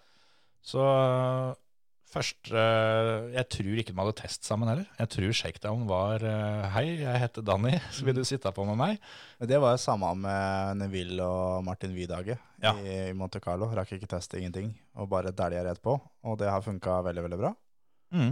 Så mm, det er nok De gutta der har, eh, har så peiling på ting at de de får det til allikevel. Det er det ingen tvil om. Så første Jeg husker ikke. Det var SS2, kanskje, som jeg satt og så på. Og da var det onboard fra, fra Dani Sordo. Og så hørte du det at eh, han drev og svarte kartleseren sin ikke bare én gang, og ikke bare to ganger, men hele tida. Så han kom med notekorreksjoner, og så bytta de kameravinkel, sånn at du fikk se guttene. Og da satt han og pekte. Ja. Og det eh, ble oversatt eh, av kommentatorteamet til at eh, det som var tingen da, var at han var ikke helt fornøyd med timinga. Så han pekte hvor han ville ha nota. Ja. At eh, når jeg kommer dit, så s- da skal du servere nota. Ja. Så han drev med litt sånn der voksenopplæring Ja. mens han vant etappe. For Han vant den etappa. Ikke sant? Det er, eh, det er helt sjukt. Det er, det er imponerende, det de gutta der holder på med. Rett, eh, rett og slett helt drøyt. Og ja, hva skal han si? Det, det kommer jo ikke til å gå noe saktere når, han, eh, når de nå allerede har fått eh, et løp på baken. Nei, ikke sant? En annen ting som også var med å prege dette løpet her litt, det var jo disse mm, fire svarte, runde Pirelli. Ja. For eh, det var første grusløp med Pirelli-hjula. Ja. Og eh, jeg syns jo det er litt kult da, at de gjør Jeg tenker det er jo litt samme tankegangen eh, som de har i Formel 1, med at de prøver å gjøre det litt vrient for teama. Ja. Det skal ikke være for lett. Så alle teama, eller alle førerne, da, fikk utdelt åtte softhjul hver. Ja. Og soft var det klart beste dekket. Ja. De skal kjøre i tre dager. Jepp. To eh, stint, for å kalle det det, per dag. da. Ja. Så da blir det jo litt det, da. Skal du svi av de softa med en gang, eller alt sammen? Og han derre utskremte Pirelli-eksperten, han var veldig tydelig på det, at eh, de må, og han understreka må, spare fire soft til søndagen. Ja. Alle dura ut på fredagen med soft. Ja. Alle sammen. Og Yes. så kom lørdagsmorgenen. Alle dura ut på de andre fire. yes. Bortsett fra Neville, da, for han hadde um, dessverre allerede bryteløpet, så han kjørte superrally, så han sleit ut uh, de harde hjula sine. Ja. Men det der, der er litt fett, for det, det taktikkelementet, det trengs litt nå, nå som VRC har blitt så close at uh, å vinne en etappe med 2,5 sekund, det er ganske mye. Så det, det er litt deilig at vi har fått inn igjen. Ja. At det er, vi har fått inn den dekkstrategien igjen. Ja. Det, som vi hadde for 10-15 år siden, så var det et veldig sentralt punkt. Ja, ja, ja. Og da kunne vi ha at eh, eh, Grønholm hadde spart uh, softhjula sine og dælja til jeg vant en etappe med 30 sekunder. ja, ja. Så det får vi nok aldri se de marginene der igjen, men vi får se eh, Si at en eh, f.eks. Tanak eller Ogiera har fått spart hjul som ingen andre har gjort, Mm. og dæljer til å vinne med ti sekunder. Vi fikk jo se litt av det, fordi det var et intervju med Sebastian Ogier eh, mot slutten av lørdagen. Eh, da kjørte han ganske jevnt med Katsuta, og de to lå så å si helt likt eh, totalt sett òg. Mm. Og så fikk han spørsmål om det at eh, Er dette en fight som du tror kommer til å vare helt inn? Så sier han at ja, nå har jeg spart litt på softhjula mine. Det har ikke han, så vi får se. Ja, akkurat det. Og hva skal vi si? Det um, kan jo kalle det for en eh, Det var jo så godt som teamordre. Ja, ja. Det var det veldig liten tvil om, syns jeg. Fordi eh, førsteetappa på søndagen til Katsuta, den gikk så pent at det her skulle rett og slett Ogier få seg en komfortabel luke, så han skulle ha én ting mindre å tenke på. Ja. Det var ganske åpenbart. Eh, Men- Veldig synd for Katsuta, men eh, det var sånn det er. Ja, og så i tillegg så kjører han han kjører med 2020-bilen. Ja. Han har jo ikke fått eh, den nye motoren og ikke fått den nye Aeron. Nei. Så det er eh, tøft, det. Og han nå er eh, skikkelig oppe og ypper seg, altså. Så Ja, ja. det- Jeg liker, ikke- jeg liker han der Katsuta. Altså han, eh, Ja. Jeg liker folk som takker for hver gang det har blitt intervjua ved enden av etappa. Ja, ja, ja. Det er, det er akkurat som at han, han føler seg så mm, utrolig heldig og privilegert som faktisk At de vil prate med han, liksom. Ja, ja. At, det, at noen vil høre hva han har, har å si. Men nå, nå har vi jobba i en times tid, eh, Terje, så nå tror jeg vi skal mm, rett og slett eh, hoppe over til konkurransene eh, som vi hadde. Det kan være. Så for de som ikke liker sånt, rett og slett skru av. Ja. Odds. Odds. Odds. Odds. Penger i fòret.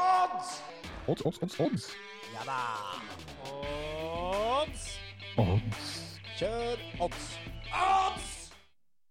Blir like satt ut av den der skrikinga på slutten hver gang, for jeg har tenkt å begynne å si noe, så får jeg den i øret. Det er du som ryker. Ja, ja, ja, pleier å være det. ja, åssen syns du, syns du oddsen gikk i helga? Nei, det gikk jo Jeg endte i pluss, jeg gjorde det. Ja. Men eh, det var bare så vidt. Og jeg er litt fornøyd med at eh, nå hittil i Formel 1 så har både du og Emil liksom eh, skrytt av at dere har vunnet på første trening. At det har liksom vært den som har, den har sittet i liksom hver gang. Ja, vi har, vel- vi har gjort det til et sånt føremøte-varemerke og tipper første treninga. Ja, Vi er best på trening, rett og slett. Ja, Det er ingen tvil om. Det jeg skulle ikke tro det når en ser på oss, men det, det er vi. så jeg delja inn på at Peres eh, skulle ta første trening. Det nevnte jeg i forrige episode, at det er eh, en litt sånn outsiderspill. Ja. Og han tok en, han. Ja, jeg spilte den sjøl. Ja, så takket være meg. Yes, det er ingen tvil om. Og som vanlig så fikk vi noen, eh, noen hyggelige kommentarer fra dere som hører på. Der var det en del andre som også hadde, hadde hørt på oss der. Ja. Så når det gjelder første trening, folkens, så gjelder det å høre på det vi sier, for den, den går inn. Vi har tre av tre, vi nå, har vi ikke det? Jo. Vi, vi har tatt første trening hver gang. Ja, jeg husker ikke om det er tre eller fire løp vi har hatt eh, oddstips på. Så, men jeg tror vi har tatt den hver gang. Ja, vi har det. Så, ja, så var det litt, eh, litt verre eh, på rallyen.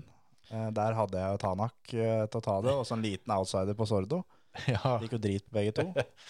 Så da var det enda verre da at, eh, at min bedre halvdel eh, ville ikke spille det jeg spilte, fordi hun veit at jeg er i familie med deg. Så da tok hun Evans, ja, ja. og den, eh, den satt på hun. Så Nei, det er, det er gøy med odds, og det, det gjør at det får en sånn ekstra spenning, syns jeg. Da får det litt sånn derre Da blir det plutselig gøy å se på første trening. ja, ja, Da blir ja, det gøy ja. å se på andre trening. og... Det er litt sånn. Det, Jeg Jeg- tapte så mye penger på Hamilton her, det, at Ja, fy. Gud hjelpe oss. Ah, jeg, jeg, det, det, hadde jeg bare klart å la være å spille på han, så hadde dette her blitt en helt fantastisk helg. Men at jeg faktisk kom meg ut på den grønne sida, sjøl om jeg svei av nesten rubbel og bit av det jeg hadde på det tidspunktet, på eh, at han bare drev og kødda og skulle bare ta en Hamilton spesial på kvalen. Jeg sa det Fy at faen. det, etter første treninga så tenkte jeg at det, nå er han så forbanna, for nå har han bare kjørt i trafikk. Mm. Han tar trening to. Ja. Gjorde ikke det. Og da var det i hvert fall Nå, har han, nå sitter han. Han tar trening tre. La inn enda mer penger på den, så ta trening tre. ja. Det var like ræva, det. Og så kom jeg da og tenkte at eh, da tar han kvalen. Ja. Så jeg eh, satte tullete mye penger her på at han skulle komme topp tre på kval. Ja. For det, den oddsen var vel oppe i 1,85.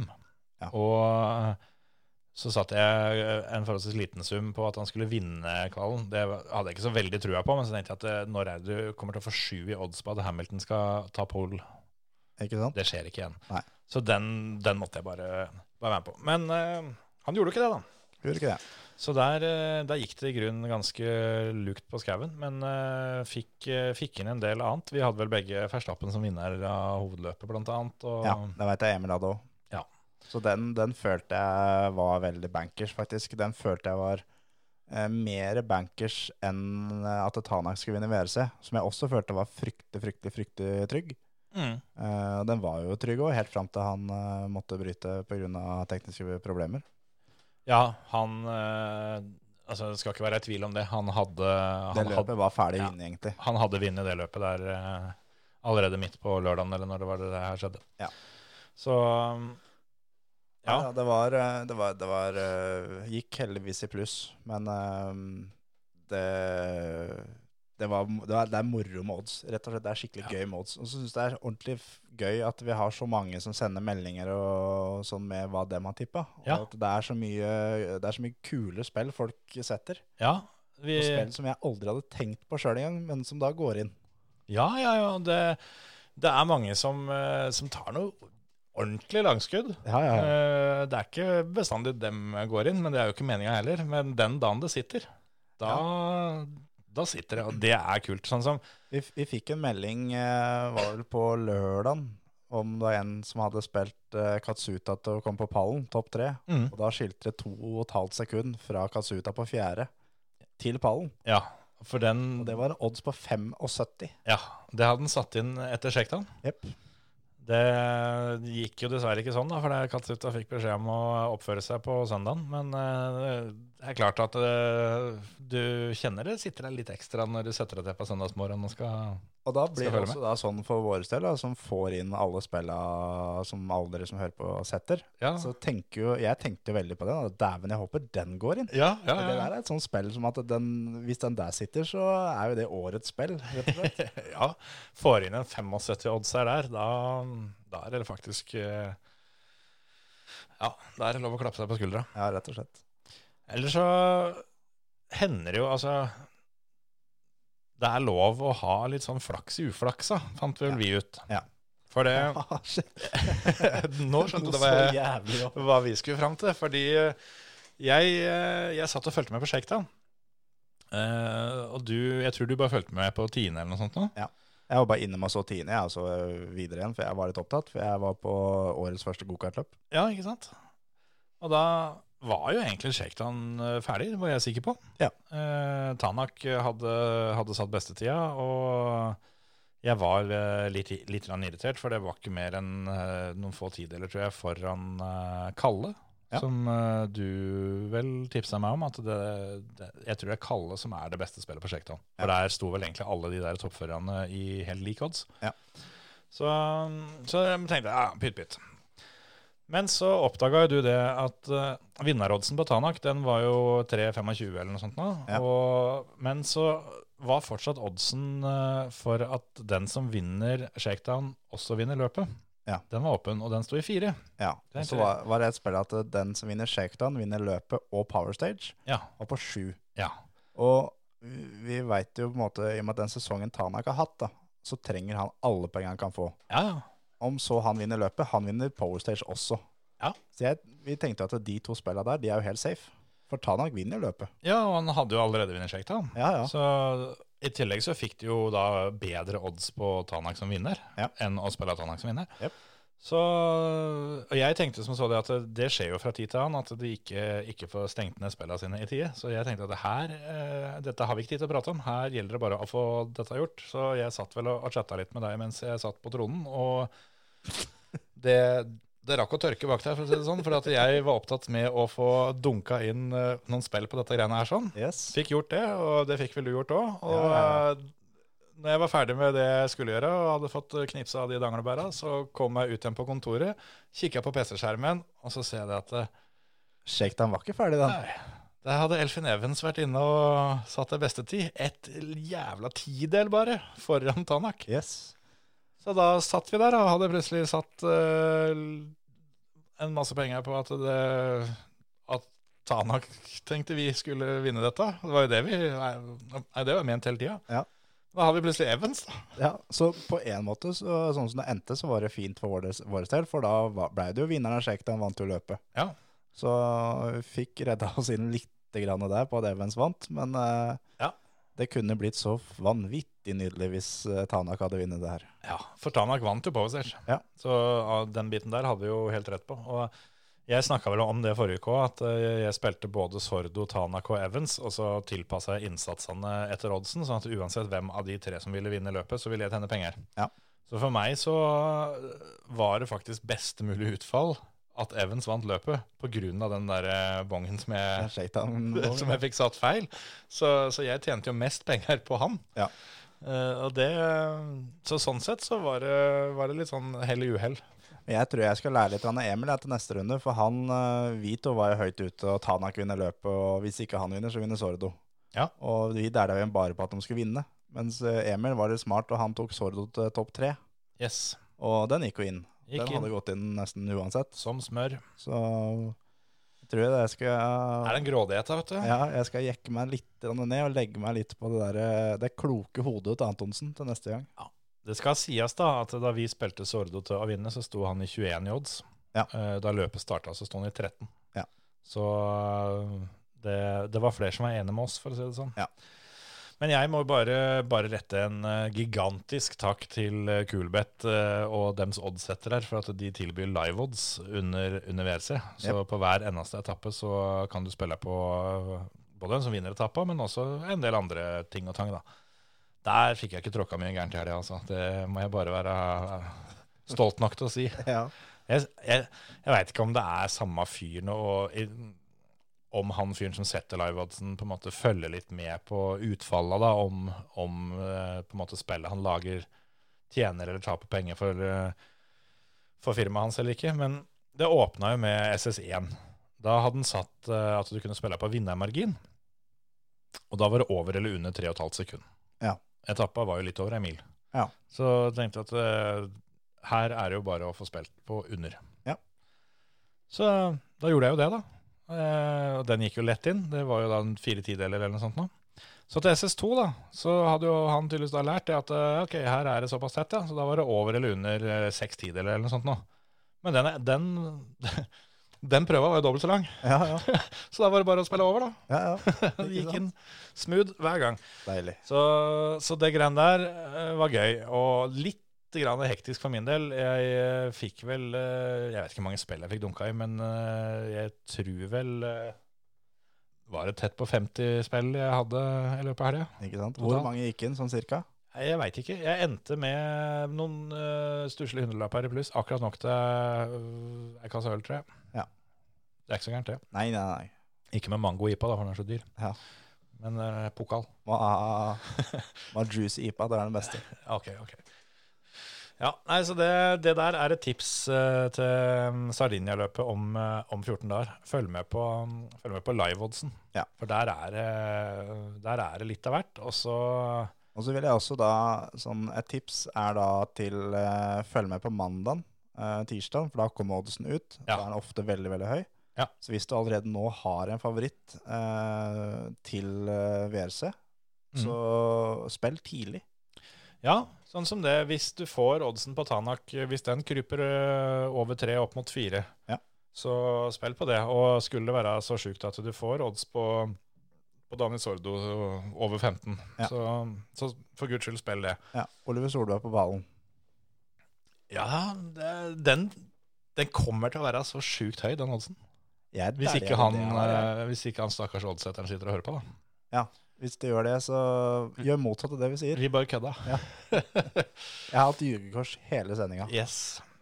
Men fikk vi noe Vi fikk jo inn ganske mye bra bidrag òg, til det konkurransegreiene vi holdt på med. Ja, Vi kan jeg, ikke bare prate om oss. Vi, vi fleska jo til litt ekstra eh, som lova, da, om at vi skulle dele ut litt mer eh, denne gangen. Og um, den, eh, den ene var rett og slett bare å poste eh, et screenshot eller et bilde av eh, kupongen du hadde spilt i eh, Facebook-tråden vår. Og da spilte det ikke noen rolle om kupongen vant eller ikke. da. da var det bare, der er eh, det viktigste er å delta. Ja.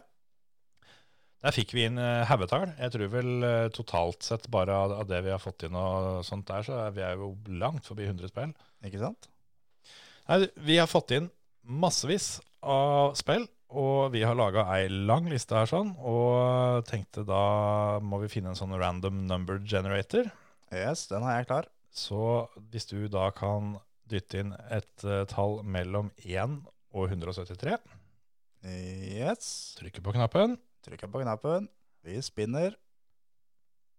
Vi får 74. 74, det er Chris Michael Rom Hansen. Ikke sant? Gratulerer så mye. Så han vinner en oddsbonus på 500 kroner. Ja, Du sender oss da brukernavnet ditt på Kulbeth Yes. i en eh, privatmelding. Så kommer bonusen inn på kontoen din. Da er det enda mer å spille her for. Og så har vi eh, en premie til, som da var til eh, av de som hadde spilt på VRC. Der var det kun vinnerbongene. Ja. Eh, ja, vi tar den trekkinga litt kjappere. Det, er- vi har holdt, holdt på så lenge. Eh, skal vi se. Formel 1 først ble det her, faktisk. Samme regel der. eh, og der blir det Pontus Engberg. Han vinner for eh, sitt spill med Fettel topp 10. Ja.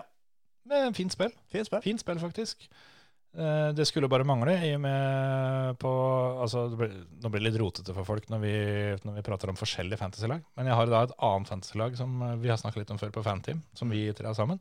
Bytta ut Fettley, endelig. Hatt den hele sesongen. Yes. Bytta han ut nå. Bytta for så vidt Ricardo inn for Lando Norris òg, så helt Ja, eh, fucking great. Det flyter. Pontus, eh, send oss eh, brukernavnet ditt på Kulbeth eh, på PM. Og for VRC Se der, du. Der, eh, nå vet jeg hvem som skal spandere middag til helga, Terje. V- Vant jeg? Nei, du skal bli spandert på? Å, dæven. Vant du? Nei. Nei, det var Andrea det som tok den der. Deilig. Den eh, fikk hun fordi hun hadde spilt på at eh, Elfin Evans eh, vant løpet. Skal nevnes, da. Hun hadde eh, spilt at uh, Verstappen skulle vinne Formel 1, nå, så hun hadde spilt begge vinnere. Ja. Får ikke blitt bedre enn det. Hun, hun sier ganske ofte at jeg må bare spørre hvis jeg trenger noen tips. Og det tror jeg faktisk jeg, det tror jeg, faktisk jeg, jeg er nødt til å begynne med det nå. Det er på tide å begynne. Hvis du ikke, hvis ikke du kan til uka, så kanskje Andrea har tid. Ja, ja. Det, det, hun er en fin stand-in, høres det ut som her nå. Det hadde vært kjekt å få til noen som har peiling. Noen som kan det her, ja. Så det var de tre premiene som vi hadde. Men så har vi jo snakka om nå at hvis det kommer noen som har en altfor sjuk bong Som Sånn går inn. Ja. Eller, ja. Eller er nærme å gå inn. ja. Det skal sies at den eh, tidligere nevnte Katsuta-bongen var en kandidat. Veldig god kandidat. Men så var det en som hadde en som var egentlig like sjuk, Ja. men, som, eh, men som faktisk gikk inn. Ja. Så da mm, Den bongen eh, ga jo antageligvis mer i premie enn vi gir i premie. Ja. Men eh, Steffen Forås, når du tidlig i uka hever inn en kupong på at det er Ferrari som, eh, Som, ta, som tar kvalen. som skal vinne kvalen, sette at, at det skal stå en Ferrari da på pole Nå gjorde det for så vidt ikke det, da, men, eh, Nei, nei, nei. men, Den men ja. øverst På resultatlistene etter, etter lørdagen. ja. Når, når, du, når du hiver inn den tidlig, Ja, da er det faktisk helt greit. Da har du mer peiling på seiling enn oss. Eller, Yes. Enten eller så bare hater du penger og satt på alt, men ja. Men ja. Ellers så trykte du feil, og det er mye du kunne ha gjort. Ja da. Eh, Den gikk i hvert fall inn. Den gikk rett inn til 31 i odds, og det syns vi eh, fortjener en ekstra bonus. Ja. Så mm, Du, får, eh, du skal få 500 kroner til. ja, såpass må det faktisk være. Så send oss uh, brukernavnet ditt på en privatmelding. Ja. Steffen Forås, var det det var? Ja, Steffen, Pontus, Andrea og Chris Mikael må sende Kulbeth-brukernavnet sitt til oss. Så Ja. skal dere få bonus. Så um, er det nå da frihelg, så nå er det ikke noe konkurranser eller eh, odds som er nå i helga. Men eh, neste helg så er det jo da både WRC og Formel 1 igjen. Dobbel enda en gang, og da, da blir det dobbel konkurranse. også, Da. Det gjør fort det. Jeg tror, eh, jeg tror vi skal finne på noe litt annerledes og artig òg. Ja.